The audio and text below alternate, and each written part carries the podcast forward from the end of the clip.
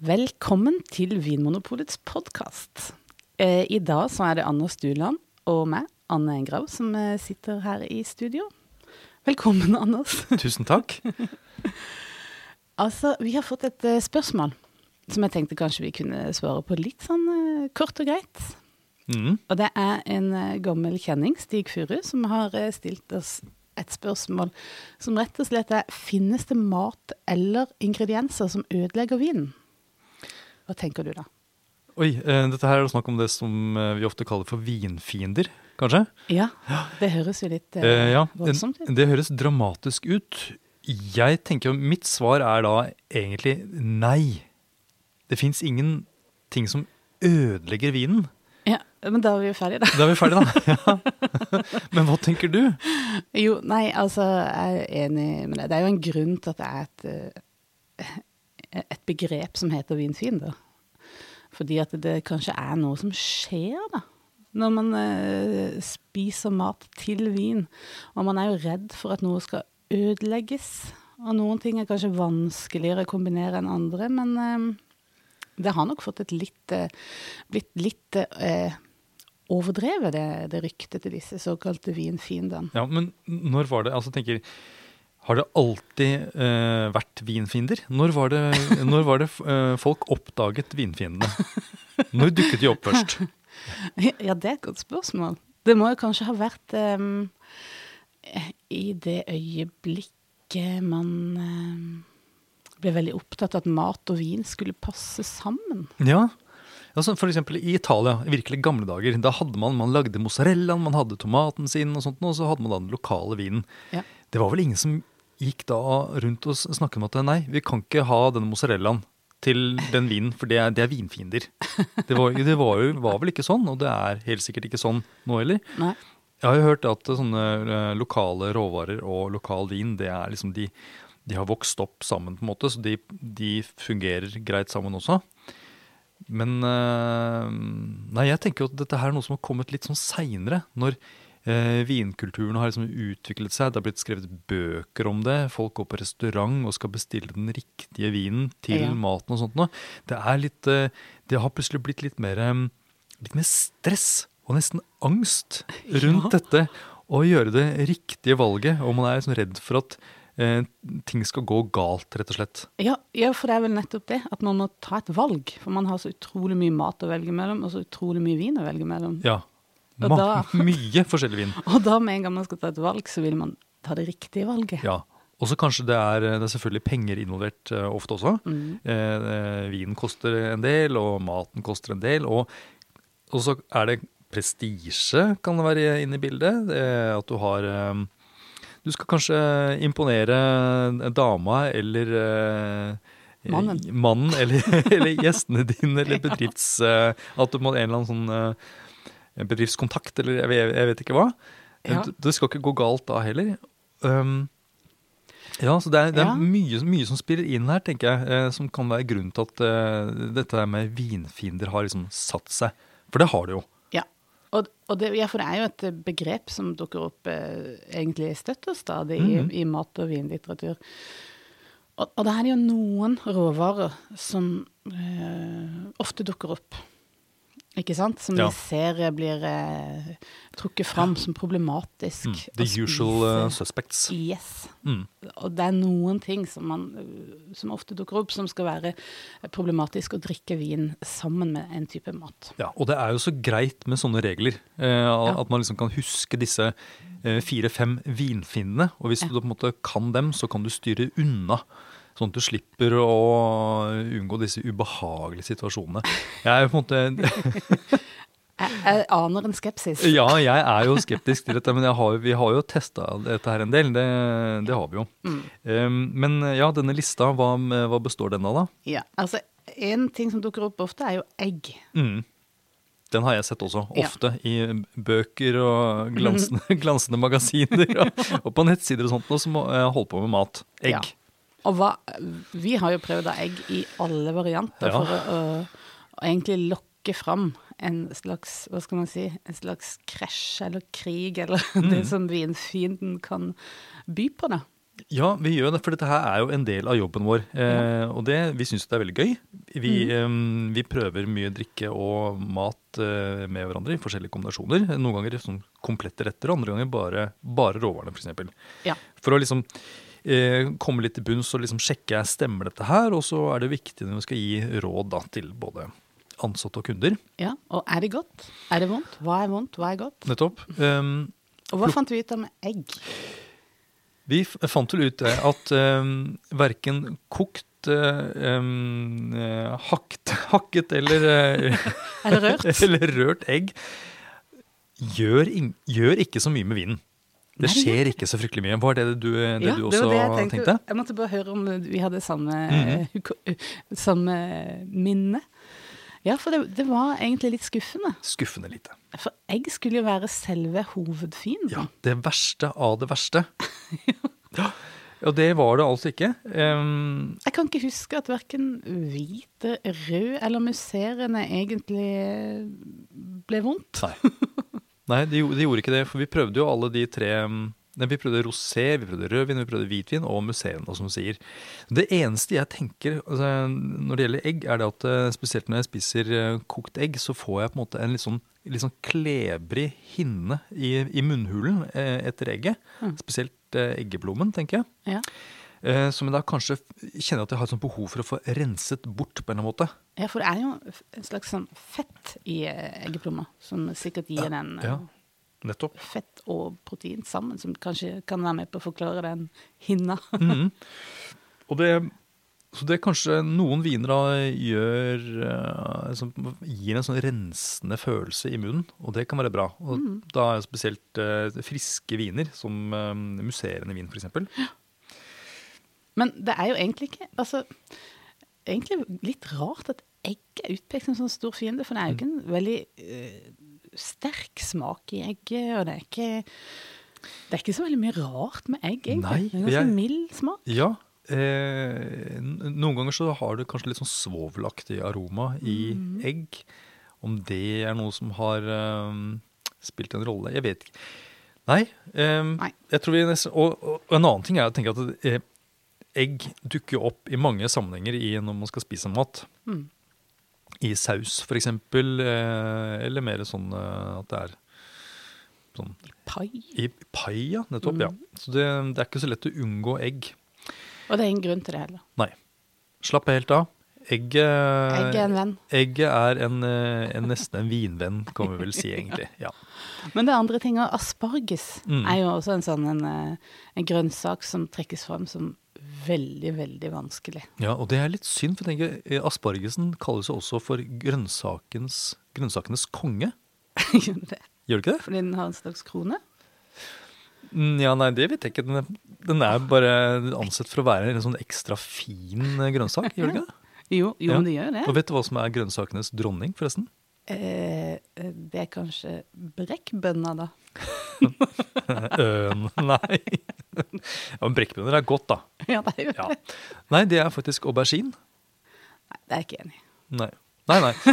Men det, sånn er det altså. Ja. Det, like it or not. Men eh, ja, eh, den stakkars eh, kongen av grønnsakene, den, den defineres også som en vinfiende. Ja. Hvorfor det? ja, her er det jo Jeg har sett flere steder at det blir trukket fram at det er en bitter grønnsak. Det er en bitterhet Ja. i asparges. Og hvem, vil, hvem er det som liker bitterhet? Bitterhet er på en måte noe som er måte- Alle tenker at det er jo ikke så bra. Nei. Bittert. Men det jo jeg synes ikke, jeg er ikke enig i det heller. Nei. Du er enig i det? Men Ja, men, ja, men så, hvor, det er jo ikke bit, bittert. nei, hvor bitter er egentlig en asparges? Jeg vil si en kokt asparges, eller dampa asparges, er mer søt enn bitter. Ja, helt enig. Det er, altså, jeg må virkelig finsmake for å kjenne den bitterheten i den aspargesen. Ja. Ja, og sammenlignet med f.eks. øl, som har liksom markant bitterhet. Nesten ingen bitterhet i asparges. Ja. Nei. Og for det er jo denne bitterheten som eh, vi som kan lese om i disse mat- og vinbøkene. Det er bitterheten som skaper problemet i møte med vin. Ja, og spesielt rødvin Ja. har jeg sett skal være eh, en skikkelig styr unna-opplevelse. Ja, jeg har sett eh, en bok hvor det står at uh, blander du disse to tingene, rødvin og asparges, så får du følelsen av å tygge på en mørkokt spiker, var det det? ja, og det rusten og mør spiker. Ja. Og det, det syns jeg er veldig kreativt, men jeg, jeg kjenner ikke igjen det. Nei, ikke heller. Det er ikke den opplevelsen jeg uh, pleier å få. Men um, Jeg er enig i at jeg kanskje ikke ville ha valgt rødvin til asparges nødvendigvis, men det handler om helt andre ting. Det er bare fordi at jeg vil at jeg vil fremheve smaken i asparges, kanskje. Mm. ja. Og at rødvin da ville kanskje ha overdøva, muligens. Men eh, det er ikke aspargesen sin feil.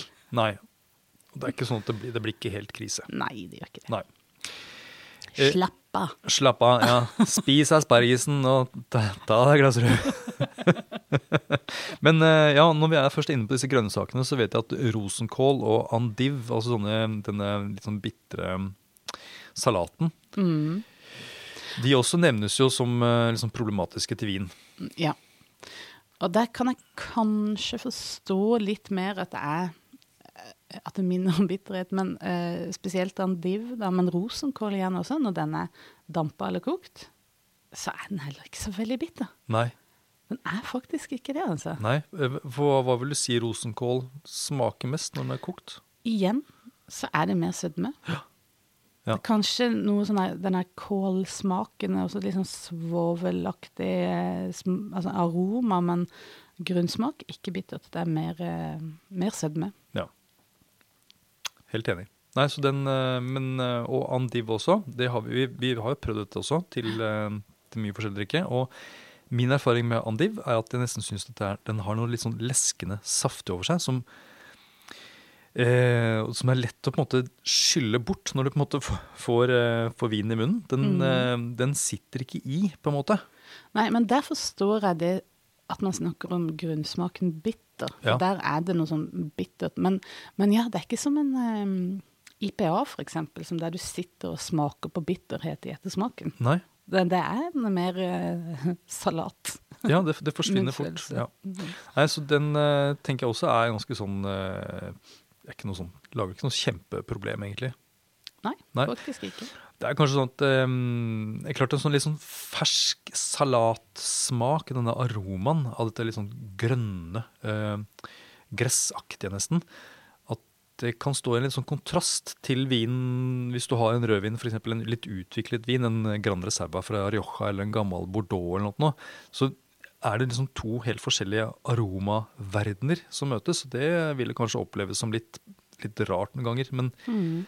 Det finnes så mange sånne ferske og fruktige rødviner som jeg tenker kanskje passer, passer bedre. Ja. Og igjen så tror jeg det handler mer om å finne denne, de virkelig gode kombinasjonene. Men det er ikke noe som ødelegger vinen. Nei. Så da kan vi nesten stryke den av lista også. Eh, Neste da er eh, eddik. Ja. Mm. Det, for eddik dukker jo opp i mat i forskjellige varianter. Mm. Både som salatdressing, som i surkål. Hvilke andre steder man har eddik i mat? Ja, det er gjerne sånn hvis ting ligger på lake, for Ja, eksempel. Eh, Sylta ting, ja. Mm. Sild eller uh, agurker og små løk og sånt noe. Og det blir jo syrlig. Eddik gjør det jo ting syrlig, Ja. nødvendigvis. Og da er det syrligheten som vi tenker da er liksom et potensielt problem for, for vinen. Ja. Er det det? Jeg har hørt uttrykket 'syre pluss syre blir uhyre'. Ja, det høres ikke bra ut. Nei. Nei. Både verken fiende eller uhyre er noe man ønsker skal skje. Nei, men det, vil- det, det vil det jo ikke.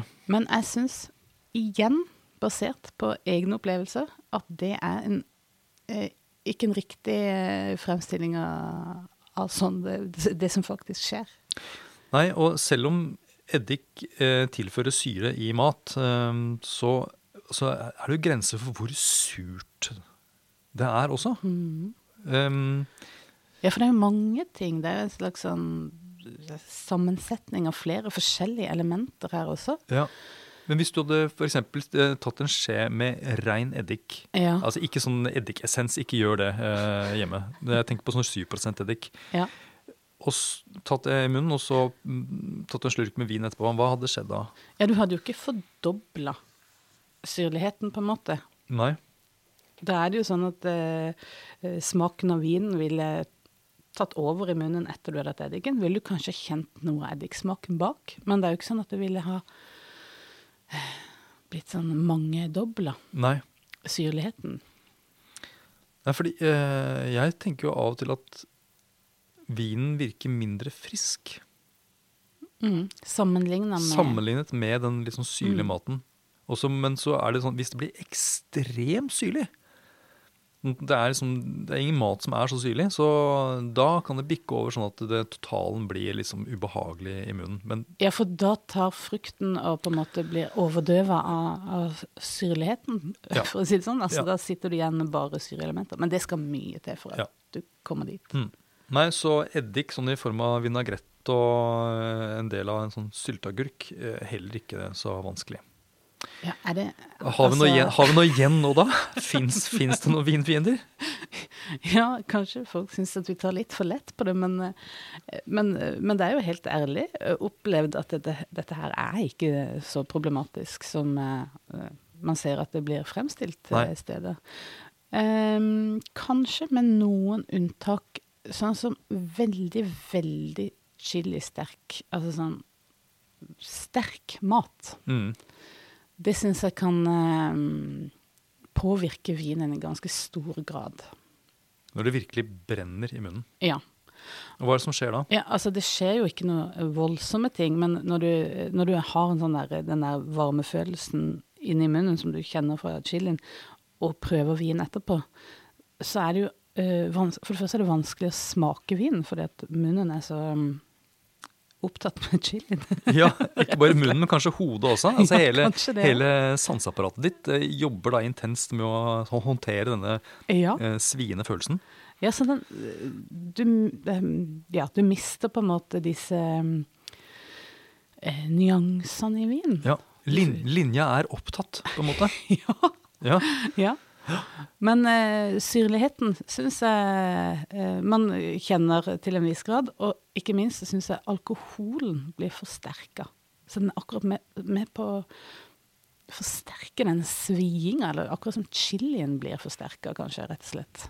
Og det er akkurat det samme jeg opplever. Og jeg har jo en teori om at eh, denne chilien, eller capsaikin, er det ikke det heter? Ja. Den, dette stoffet i chilien, det irriterer jo munnhulen. Det er derfor det, det, er derfor det svir.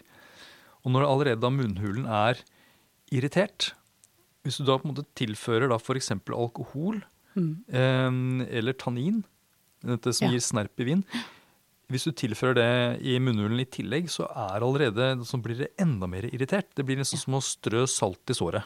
Ja. ja, for rødvin f.eks. snerper mer med, med veldig sterk mat. Ja. Så det er kanskje da verdt å tenke på at eh, spiser du veldig sterk mat, så er det ikke så smart å velge vin med mye alkohol eller mye snerp. Nei. Med mindre du vil ha fram de egenskapene i vinen. Jeg vet jo f.eks. i eh, Sør-Korea. Ja.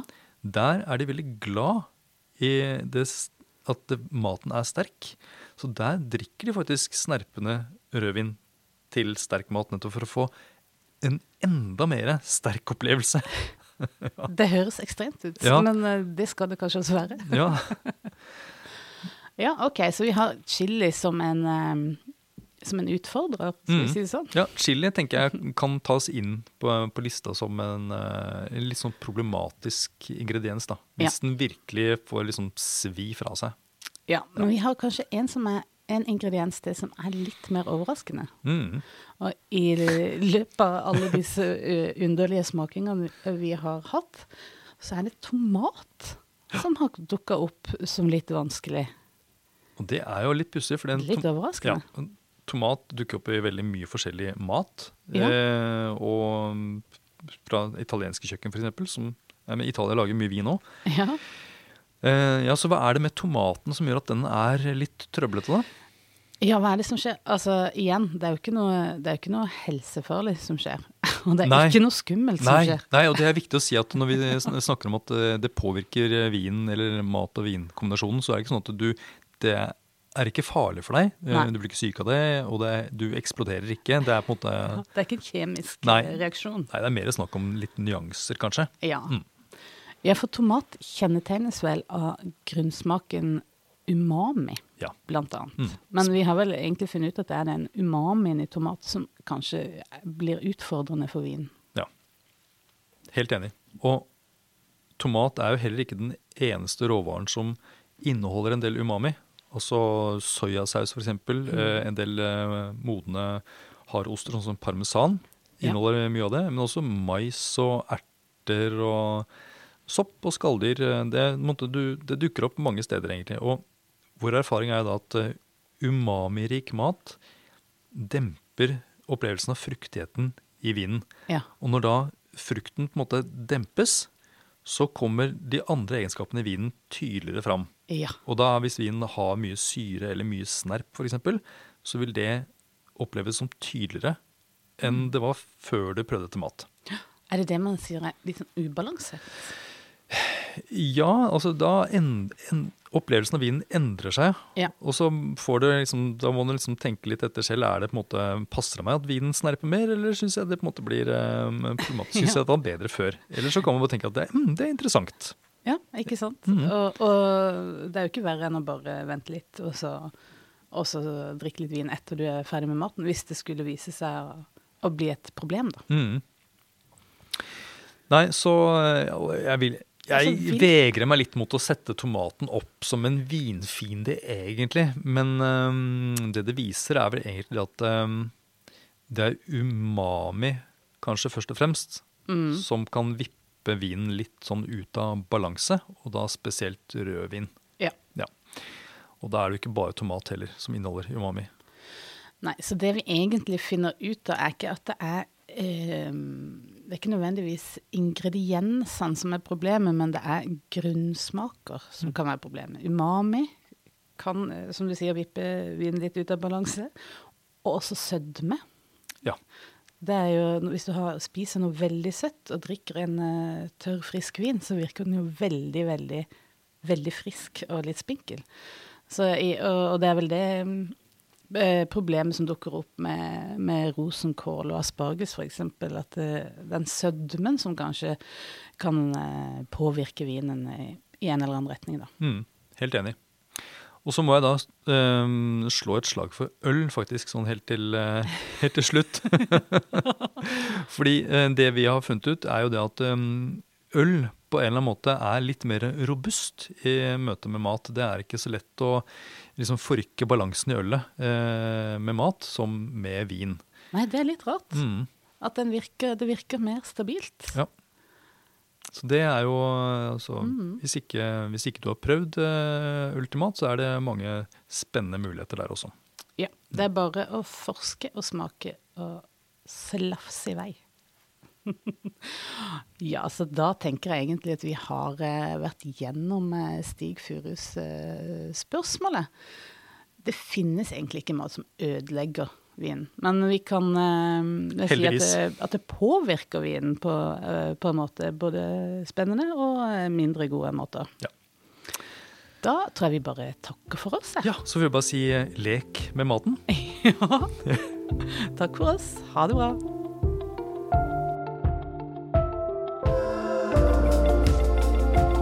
For at du hører på Vinmonopolets podkast. Har du forslag til et tema i podkasten? Send mail til podkast at vinmonopolet.no.